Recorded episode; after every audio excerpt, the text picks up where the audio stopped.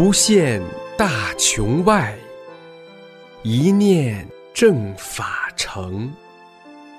师尊慈悲愿，万物沐春风。请听明慧专题《一师恩》。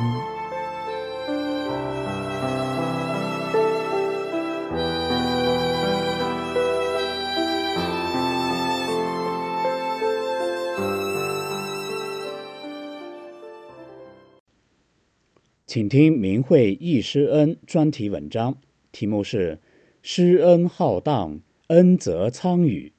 参加师尊传功讲法班的珍贵回忆。文章发表于明慧网，二零零九年五月十三日。作者：大陆大法弟子。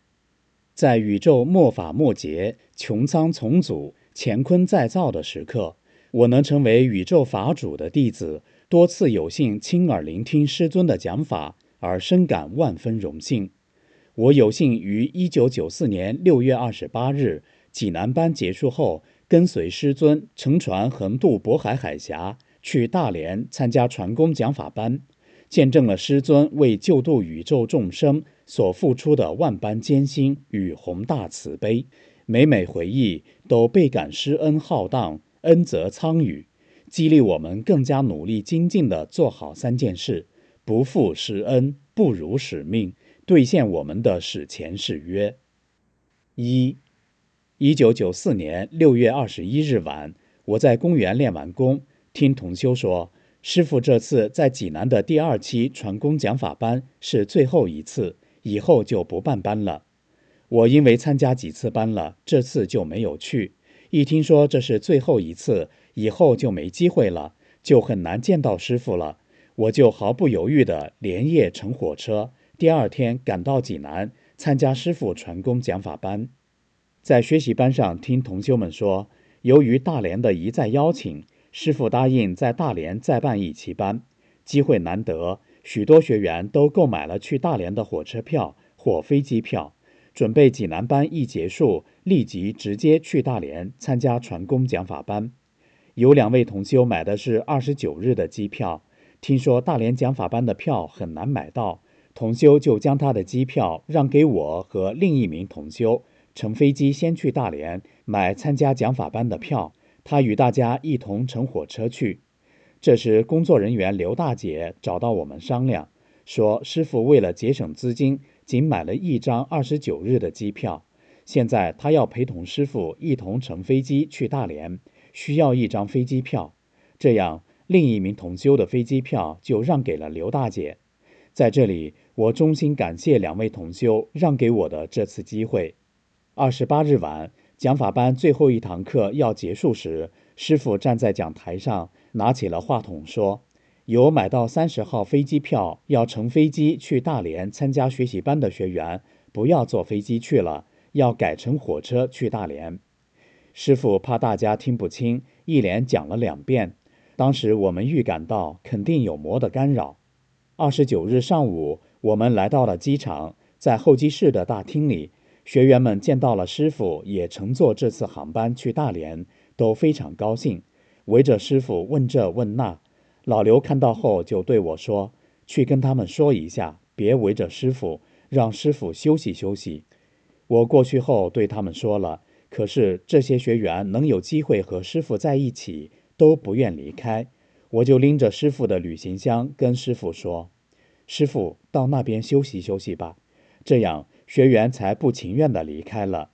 这时天突然暗下来了，天空乌云密布，天色越来越暗。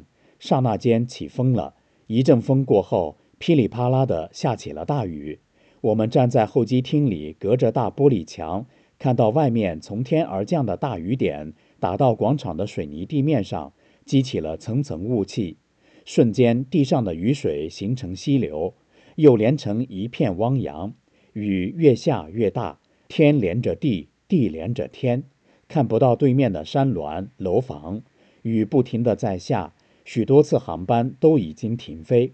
我们这次航班预告晚点，晚点时间不明。我们进到候机室里休息，看着外面雨不停地下着。在雨稍小的时间里，看到有的飞机在雨中起飞降落，但是我们乘坐的航班始终没有任何的消息。我们询问飞机什么时候才能起飞，服务员告诉我们，这次航班是从长春起飞到济南，再从济南飞往大连。由于天气原因，飞机什么时间到尚不清楚。我见师傅静静地坐在那里，就过去坐在师傅的旁边，谈了我对大法的一些认识。师傅静静地听着。当我问师傅一些问题时，师傅祥和地对我说：“以后你会逐渐的明白的。现在你别打扰我，我在处理另外空间的事情。”现在回想起来，我当时对法的认识。及提出的问题都是很肤浅、很幼稚的。就这样，我静静地坐着，观望着窗外的大雨，等待着飞机起飞的消息。直到晚间，候机室服务人员通知说，今天飞机不能起飞了，只能等待到明天。飞机场为所有延误的乘客免费安排了食宿。师傅和我在飞机场宾馆住了一宿。第二天，也就是六月三十日上午。又到飞机场候机室等候，天一直是阴沉沉的，雨一直在下，大家心里都很焦急，多次询问机场的工作人员，但始终都没有准确的答复。雨时大时小，飞机在雨的间隙中起飞降落，我们乘坐的航班没有一点消息。过了中午还没有任何消息，大家都更着急了。老刘几次去询问服务员。也没有消息。师傅告诉我们说，另外空间已经处理完了。他们利用世间的人在干扰我们，需要我们去做。因此，我们多次与候机室服务人员讲明情况，要求见机场的领导，但是机场的领导始终都没有露面。时间一分一秒的过去了。如果今天飞机再不能起飞，就会耽误讲课的时间。这时，乘坐这次航班的学员大约有十六七名，大家都跟师傅一起去找候机室服务人员，和他们再次说明，大连还有好几千学员等着师傅讲课，而且那些学员有好些都是外地的，如果耽误一天，就会造成很大的损失。飞机场能不能帮助我们想想办法？服务员答应向他们的领导汇报，但是始终没有回音。到了晚上五点多钟，飞机场又给所有延误的乘客安排了食宿，许多乘客无奈的陆陆续续的都跟服务人员去了宾馆，等待第二天乘机。而我们学员一个也没有动，都跟师傅在一起。整个候机大厅只剩下师傅与我们学员了。师傅亲自耐心地与服务员讲：“我们已经延误了两天了，大连有几千名学员等着去讲课。”不能再等了，不能再耽误了。要求飞机场帮助我们解决，能安排飞机更好。没有飞机，用客车把我们连夜送到烟台。我们从烟台乘船去大连也可以。服务人员看到这么多人都不离开候机室，听了师傅的诉说，很同情我们的处境，答应再次向他们的领导汇报我们的困难和要求。我们在候机室里等了大约半个多小时。服务员通知我们，机场领导答应了我们的要求，全价给我们退机票，然后出车连夜将我们送往烟台。退票后，我们在候机室外面又等了约一个小时，机场的大客车终于来了。汽车开出了飞机场，在夜幕中驶向烟台，大家这才松了一口气。这时候，老刘对大家说：“大家静一静，让师傅休息休息吧。”师傅太累了，学员们主动让出了座位，让师傅躺下来休息。大家都静静的不出声。从济南到烟台一路夜行车，大家默默无声，车厢里静悄悄的，唯恐惊动了师傅。只听到汽车在雨中风驰电掣的行驶声。此时，我的心也随着风声、雨声、汽车的轰鸣声跌宕起伏，思绪万千。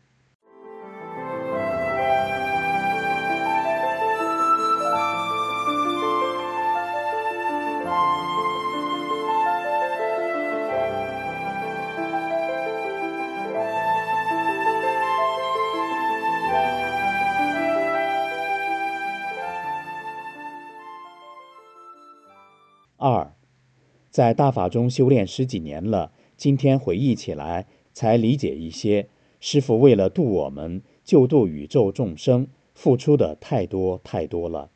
师傅历经层层下走，生生世世与我们结缘，为了我们能真正的返回去，把宇宙大法捧到我们跟前，苦口婆心给我们讲法，并且为我们排除层层干扰，历解重重阻碍，摆平冤怨。消去业力，净化身体，承受了无数的苦难。刚得法时，我曾幼稚地问过师傅：“您修这么高，一定吃了很多苦吧？”师傅说：“我吃的苦不是这个空间的。”师傅根本没有把世间的苦难当作苦，而师傅在另外空间经历的苦难，又是我们无法想象的。在济南，我也曾问过师傅：“为什么下这么大的雨？”干扰师傅去大连传法，师傅用当时我能理解的话说：“是学员们的业力，我把他们打下来之后，他们聚集在一起，形成了这场磨难。”当时我似懂非懂地看着茫茫天空，现在知道了，那是旧势力的干扰。师傅当时不能说得更高，怕我理解不了，反而会生出更多的疑惑。是啊，师傅本身是没有苦难的。是因为传正法，是因为度我们，是为我们为众生而承受苦难啊！师父在国内共传法办班五十五期，仅一九九四年一年就办了二十二期，连过年都没能回家。为了让更多的人得法，传法班一个接着一个的办。为了让我们能听懂，师父将宇宙高深法理深入浅出的细细讲给我们。师傅想给予我们的太多太多，但时间又很紧很紧，因此师傅讲法时一句紧接着一句，既让我们听得明白，又让我们感到时间的紧迫。我感觉到了，这是师傅为度我们，为救众生，在与旧势力抢时间啊！记得一九九三年八月份，我去北京石景山体育馆参加第十四期法轮大法传授班。但由于邪恶干扰，没有办成。当时看到工作人员心情很沉重，听他们讲，师傅很着急，给他们来了信，讲到了宇宙的更新已开始了，许多星球开始了大爆炸，危及到银河系及三界的存亡，是师傅用强大的功将银河系及三界保护了下来。当时我们不同地区的十来个人相约参加安徽的传授班。一定要修炼法轮大法。一九九三年十一月二十一日，我们如约相聚合肥，参加了安徽传授班。在师傅的传法的过程中，扩音器中不时地传出“噗噗噗噗”的声音，大家以为是音响的问题。师傅告诉我们说，这是遥远的宇宙在爆炸，通过师傅的空间场传过来的声音。师傅在来济南传法之前的六月十二日。郑州传授班的讲法中，突然狂风大作，暴雨夹着冰雹倾盆而下，体育馆立刻断了电，屋里一片漆黑。但是师傅泰然自若，非常冷静，学员们也都静静地坐着。只见师傅一挥手，将魔头抓住，放入矿泉水瓶中，说：“不管多高的魔，多高的道行，干扰破坏正法，都是这个下场。”不长时间。电来了，风停了，雨住了，太阳出来了。我们也曾疑惑过，师傅为什么不像在郑州般抓魔头一样，将在济南干扰传法的魔头处理了呢？容忍他们耽误我们两天的时间，而且还得绕道烟台乘船去大连呢？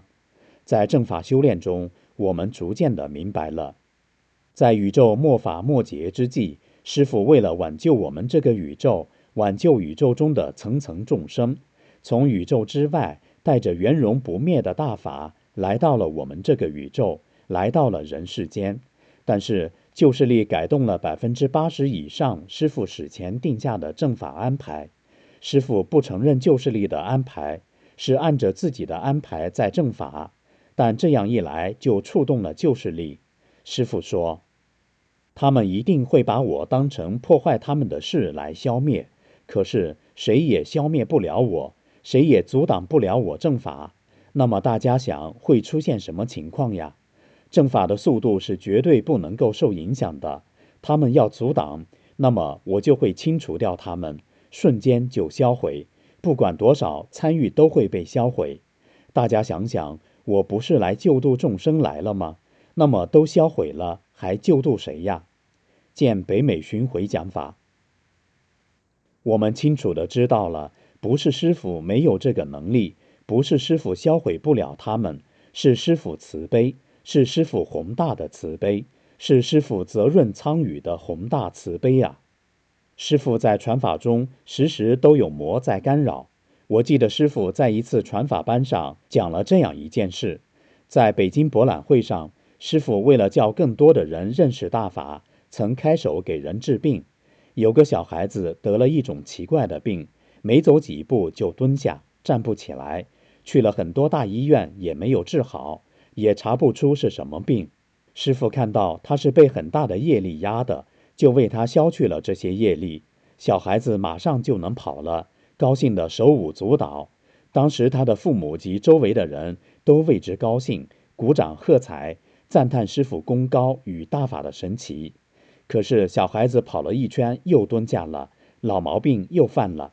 其父母和周围的人都感到愕然，用疑惑的眼神看着师傅。师傅一看是贵州省的那条蛇又来捣乱，师傅看到他在众目睽睽之下干扰正法，干扰人们正信。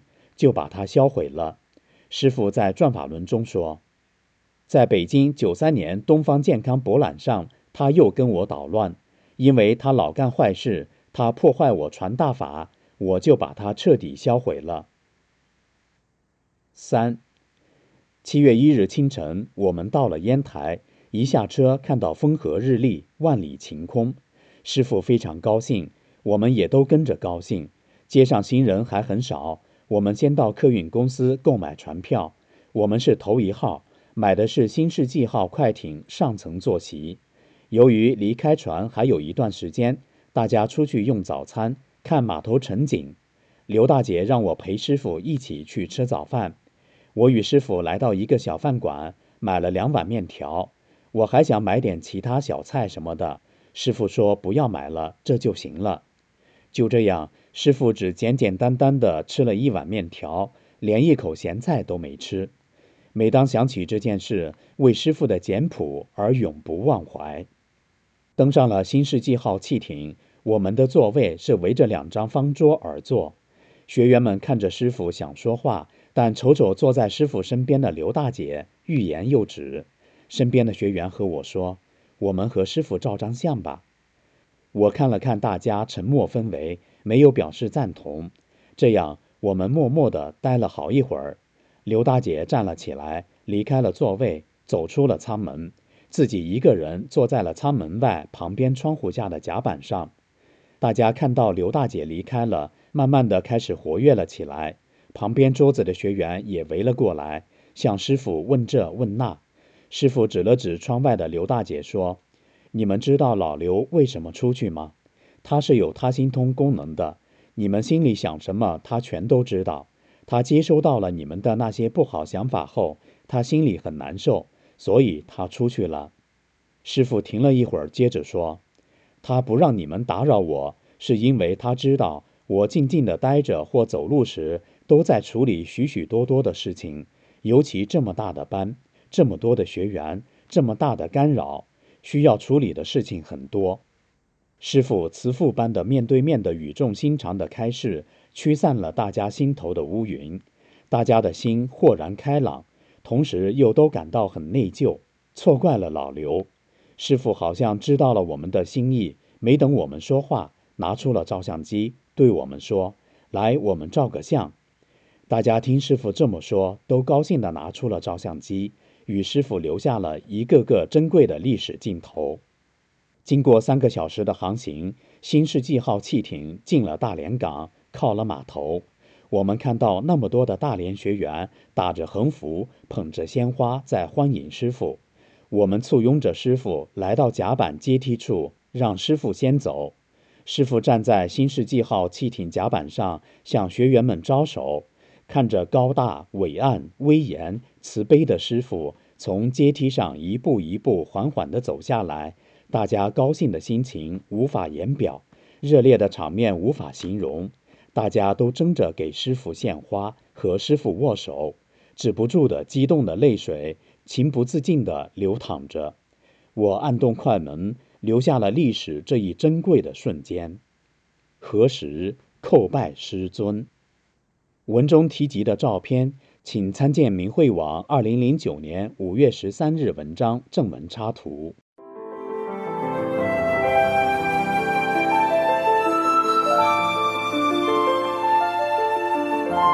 您现在收听的是明慧专题《易师恩》。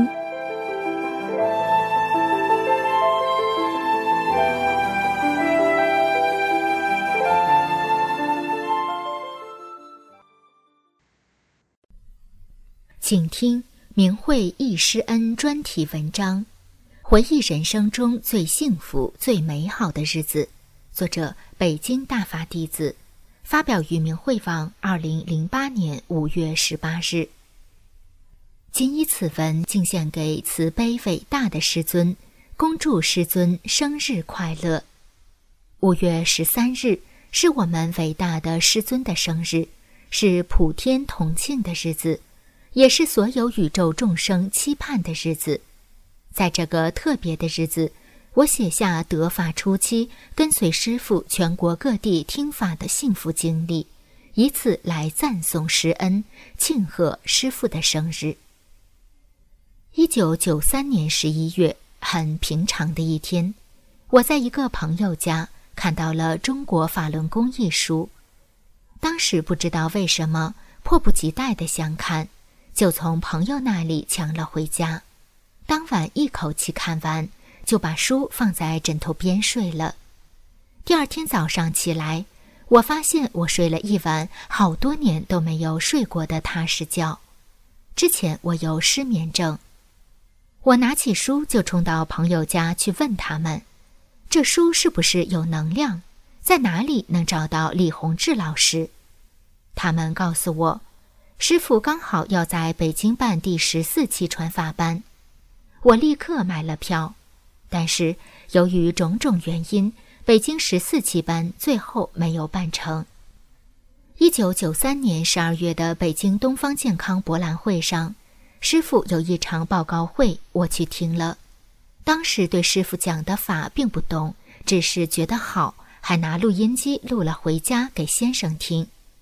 报告会后，学员们都涌上去请师傅签名，大家在师傅身边挤来挤去的，完全不考虑师傅的感受。我在一边看着都觉得难受，可是师傅却一直不厌其烦地给每个人签名。这应该是我此生第一次见师傅，但是由于悟性太差，并没有太深的感受。脑海里只留下了师傅被那些请求签名的人拥在中间的画面。那几天，我虽然什么也不懂，心却被法轮功牵着，老想再去找师傅，急切地想参加师傅的传法班。博览会的最后一天，我再一次去到会场，我清楚地记得，北京那天刮风沙，整个天空都很脏。街上的人也都灰头土脸，我眼前的一切都是灰蒙蒙的。来到法轮功的展位前，师傅不在展位上，我站在那里等着。突然一回头，看见师傅和几个学员一起从大门外走进来。师傅身材高大挺拔，身穿湛蓝色的羽绒服，鲜亮干净，光芒四射，非常耀眼。师傅走近了，我更加惊奇地看到，师傅高大魁梧的身体上，却有着一张婴儿一般细嫩皮肤的脸，白里透红，在周围肮脏的环境中显得非常特别。我不断地看看师傅，又看看周围，心中奇怪，为什么大家都是灰蒙蒙、脏兮兮的？而只有师傅一个人那么干净透明，光照四方。这一次见到师傅，对我心灵的震撼极大。我在展位上买到了去天津听课的票。天津一期传法班开班的第一天，听说课前可以去与师傅合影，我提前了差不多两个小时到达会场，没有想到很多学员已经先我而来了，而且师傅也早就到了，正在与学员们合影。看到这么多人这么急于与师傅合影，我突然产生了逆反的情绪，不想照相了。可是我也不愿意离开，就一直跟在师傅身边观看。当时我还没有听法，不知道师傅是谁，也不知道这是多么珍贵的机会。学员们一波一波的站好，然后请师傅过去站在中间拍照。师傅一会儿被请到这儿。一会儿被请到那儿，我也跟着跑来跑去的看。看着看着，排好队的学员中有个学员对我说：“先到那边去交钱，然后过来照相。”我摇头不去。另一个站在最中间的学员可能以为我不愿意交钱，就要把他的位置让给我，说：“你到这来照吧，已经交过钱了。”这时师傅也看着我。我还是摇了摇头。就这样，我失去了在天津班与师傅合影的机会。进入礼堂听课，我坐在左边第四排的中间。开始听课还是懵懵懂懂的，很麻木。当听到师傅讲“佛性一出，震动十方世界，谁看见了都要帮他”，出自《转法轮》。我的眼泪一下就下来了，在那一瞬间，我真切地感受到了生命迷失的痛苦，而师傅的这句话让我看到了希望。那种感觉就像是一个一直在黑暗中流浪的孤儿，突然间知道了自己原来还有父母，而且父母还一直在关心自己。从这一刻起，我知道了。师傅并不像我所认为的是一个普普通通的气功师，师傅是下世渡人的伟大的觉者，而我能听到师傅亲自讲法，是多么的幸运与荣耀。我参加天津班并没有向单位请假，是偷跑去的。第三天，我有点不放心，回了一趟北京。非常神奇的是。平时几个领导天天都要找我几次的，这回我消失了三天，单位的所有人却都没有任何反应。当天下午，我又返回天津听法，直到师傅的班结束。我回到单位上班，都没有任何一个人问我。我知道是师傅为了我能听法安排了一切。从天津班回来后。得法的喜悦，能够听师傅亲自讲法的幸福，让我觉得人生是那么的美好。更让我感到踏实的是，我清清楚楚地感觉到，师傅就在我头前的右上方几十公分处，每时每刻都在看护着我。当我遇到危险时，是师傅在保护我；当我过不去心性关时，是师傅在鼓励我。当我害怕地走在去练功点的黑暗小路上时，是师傅陪伴着我。只因为是师傅的弟子，我成了宇宙中最幸运、最幸福的生命。接下来，我又听过两次师傅在北京办的报告会，每次看见师傅出现在讲台上时，我都会忍不住流泪。丈夫看见我见了师傅，就感动的哭。说起师傅，也感动的哭，认为师傅一定是了不起的人。于是我们一起参加了重庆班。在重庆班上，师傅利用课间时间与学员合影。我在天津失去了机会，后来听明白法理后非常后悔。这一次，我想无论如何都不能再失去机会。可是，当看到师傅在炎热的天气里，在烈日下来回奔走着与学员们合影时，我又觉得自己不应该这么做。师傅太辛苦了。于是我走到一边的阴凉地，与几个学员聊天，不再想照相的事。过了十几分钟，快要上课了，突然听到师傅在问：“还有照相的吗？最后一张了。”我一回头，看到师傅在我身后不远。赶快跑过去站在师傅身边，另外几个学员也跟上来了。我们终于和师傅一起照了张合影。我们都知道是师傅看到了我们的心，不顾炎热与辛苦，放弃休息，满足了我们愿望，心里又兴奋又感激。在重庆，我们还有一次与师傅在街边小摊上相遇的经历，情景与网上一个同修写的师傅在济南小饭馆吃面条的事有点相似。因为是我的亲身经历，这里还是写出来。那天下课后，我和丈夫在街边的一个小摊上吃晚饭，摊主是个三十多岁的妇女。当时摊位上吃饭的只有我们夫妻二人，正埋头吃着，突然听到师傅的声音：“面条多少钱一碗？”我抬头一看，真的是师傅，赶快站起来叫了声：“李老师。”师傅笑着对我们做了个叫我们坐下的手势。老板娘说：“面条一块钱一碗。”师傅也不讲价，就给了他一块钱，然后坐下来等面。过了一会儿，某某跟过来了，他要了蛋炒饭，老板娘要他两块五，他大叫：“太黑了，这么贵！”师傅笑着指了指他。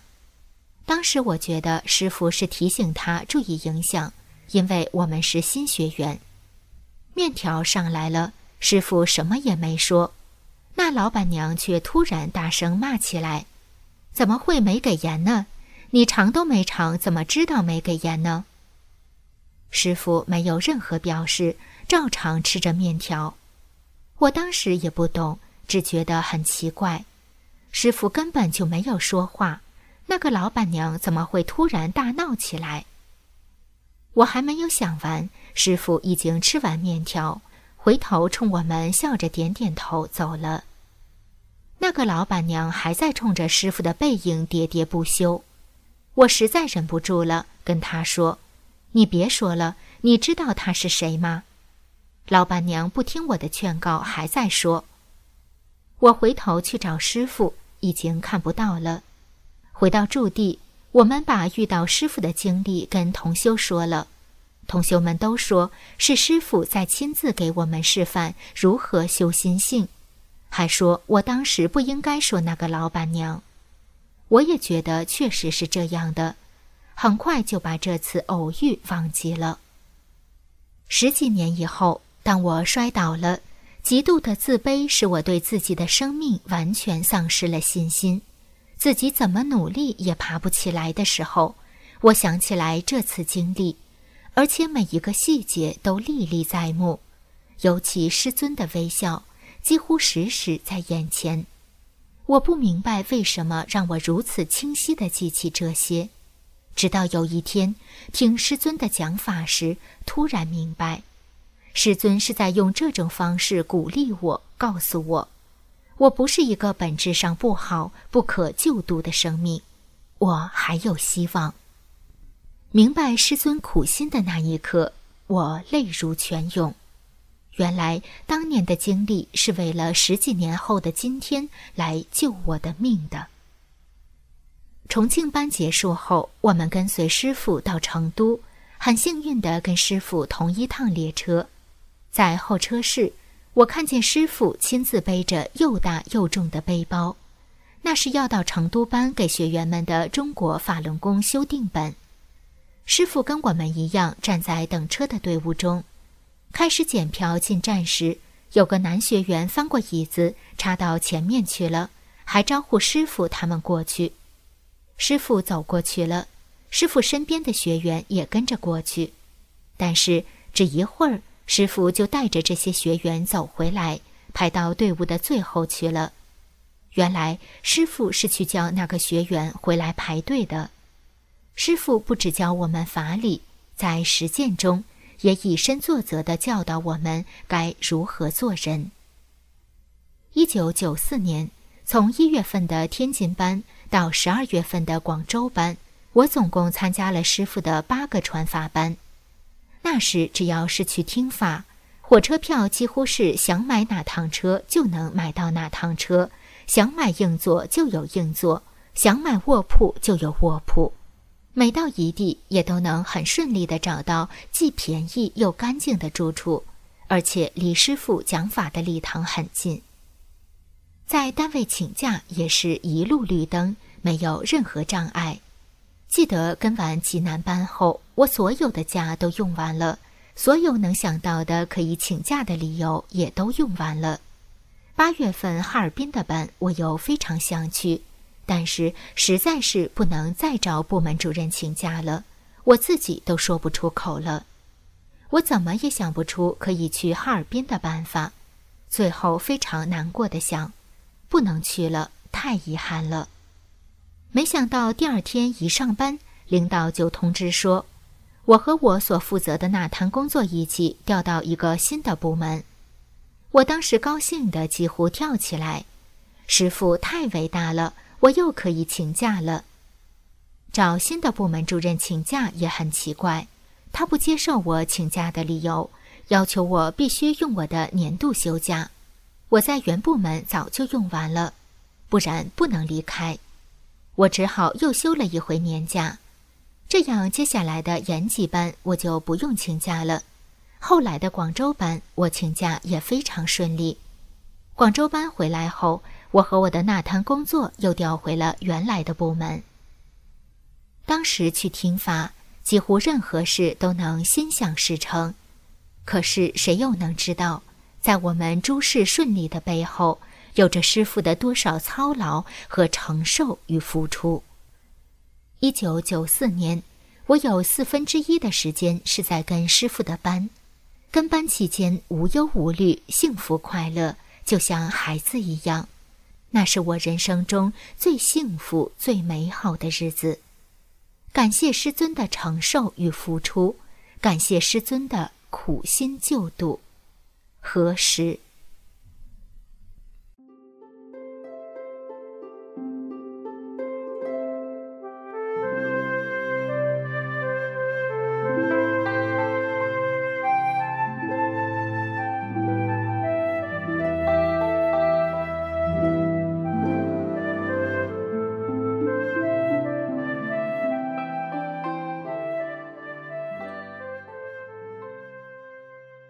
请听易师恩专题文章，题目是《由一张照片引起的回忆》。易师尊在武汉办班。文章发表于明慧网，二零零八年八月八日。今天有同修来到我家，想看看当年我们与师傅的合影。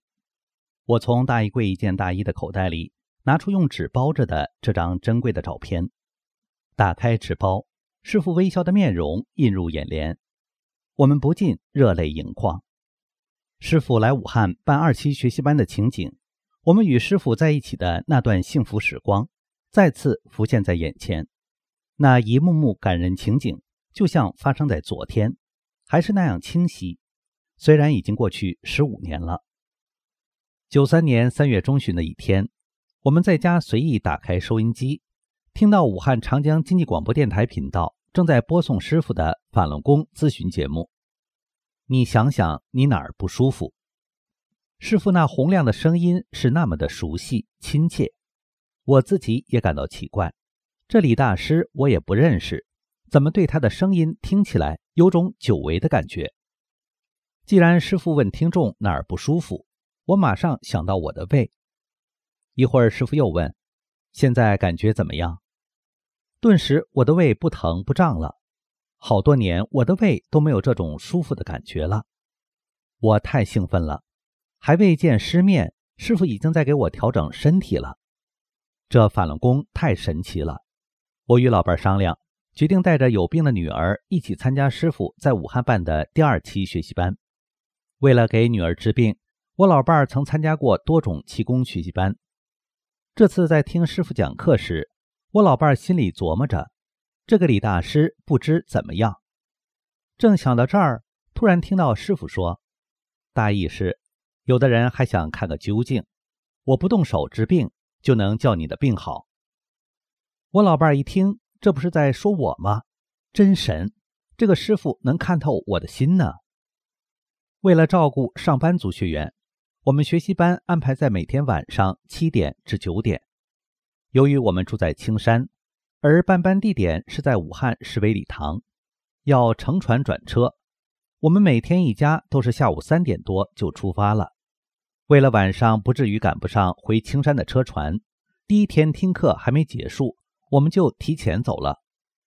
第二天来听课时，有学员告诉我们。昨天师傅给我们调整了身体，你们却走了，真可惜。我老伴儿一听，扭头就往台上去找师傅。当时还未到上课的时间，没看见师傅，只好走下台。正在这时，看见师傅从台下走上来。我老伴儿一看师傅来了，由于心急，顾不得多想，一把拉住师傅的手说：“师傅，昨天我们怕赶不上船，提前走了，没有调整身体。”师傅听后笑了笑，用手拍拍我老伴儿的肩膀，说：“还有来找后账的。”当天听完课后，师傅说：“大意是，昨天有学员因住的较远，提前走了，没有调整身体。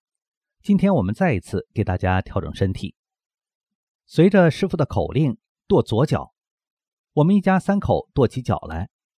我们心里那滋味呀，甭说有多美滋滋的了，多好的师傅啊！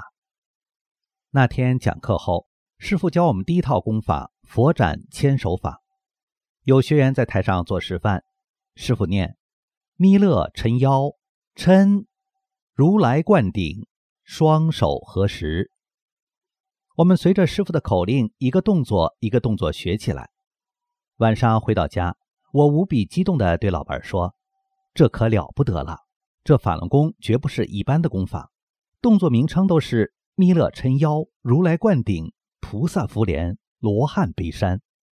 这个法太大了，太好了！师傅一定是从很高很高层次来的，我们一定要跟师傅修到底。一天，师傅讲完课后，教我们第二套功法抱轮。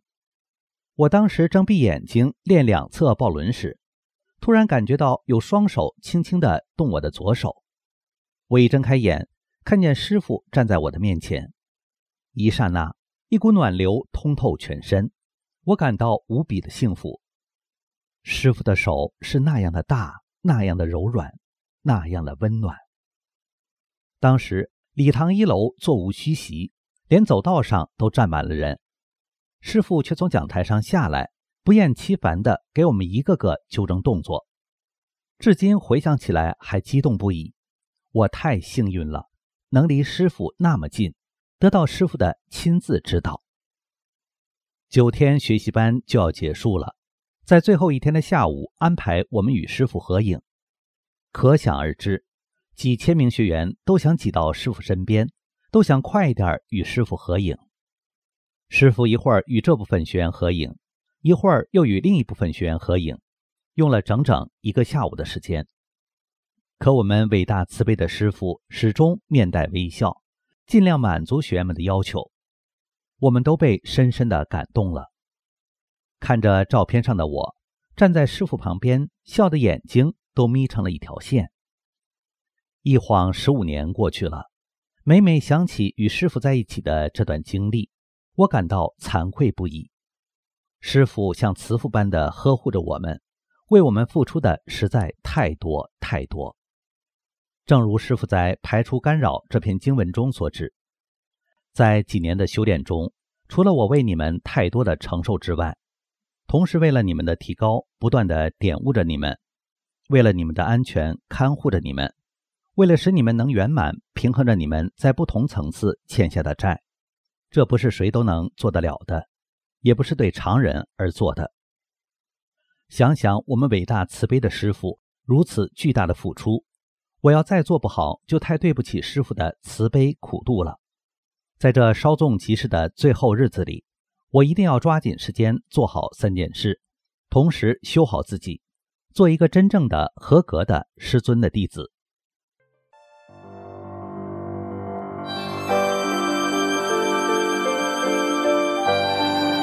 这次的易师恩就到这里，谢谢收听。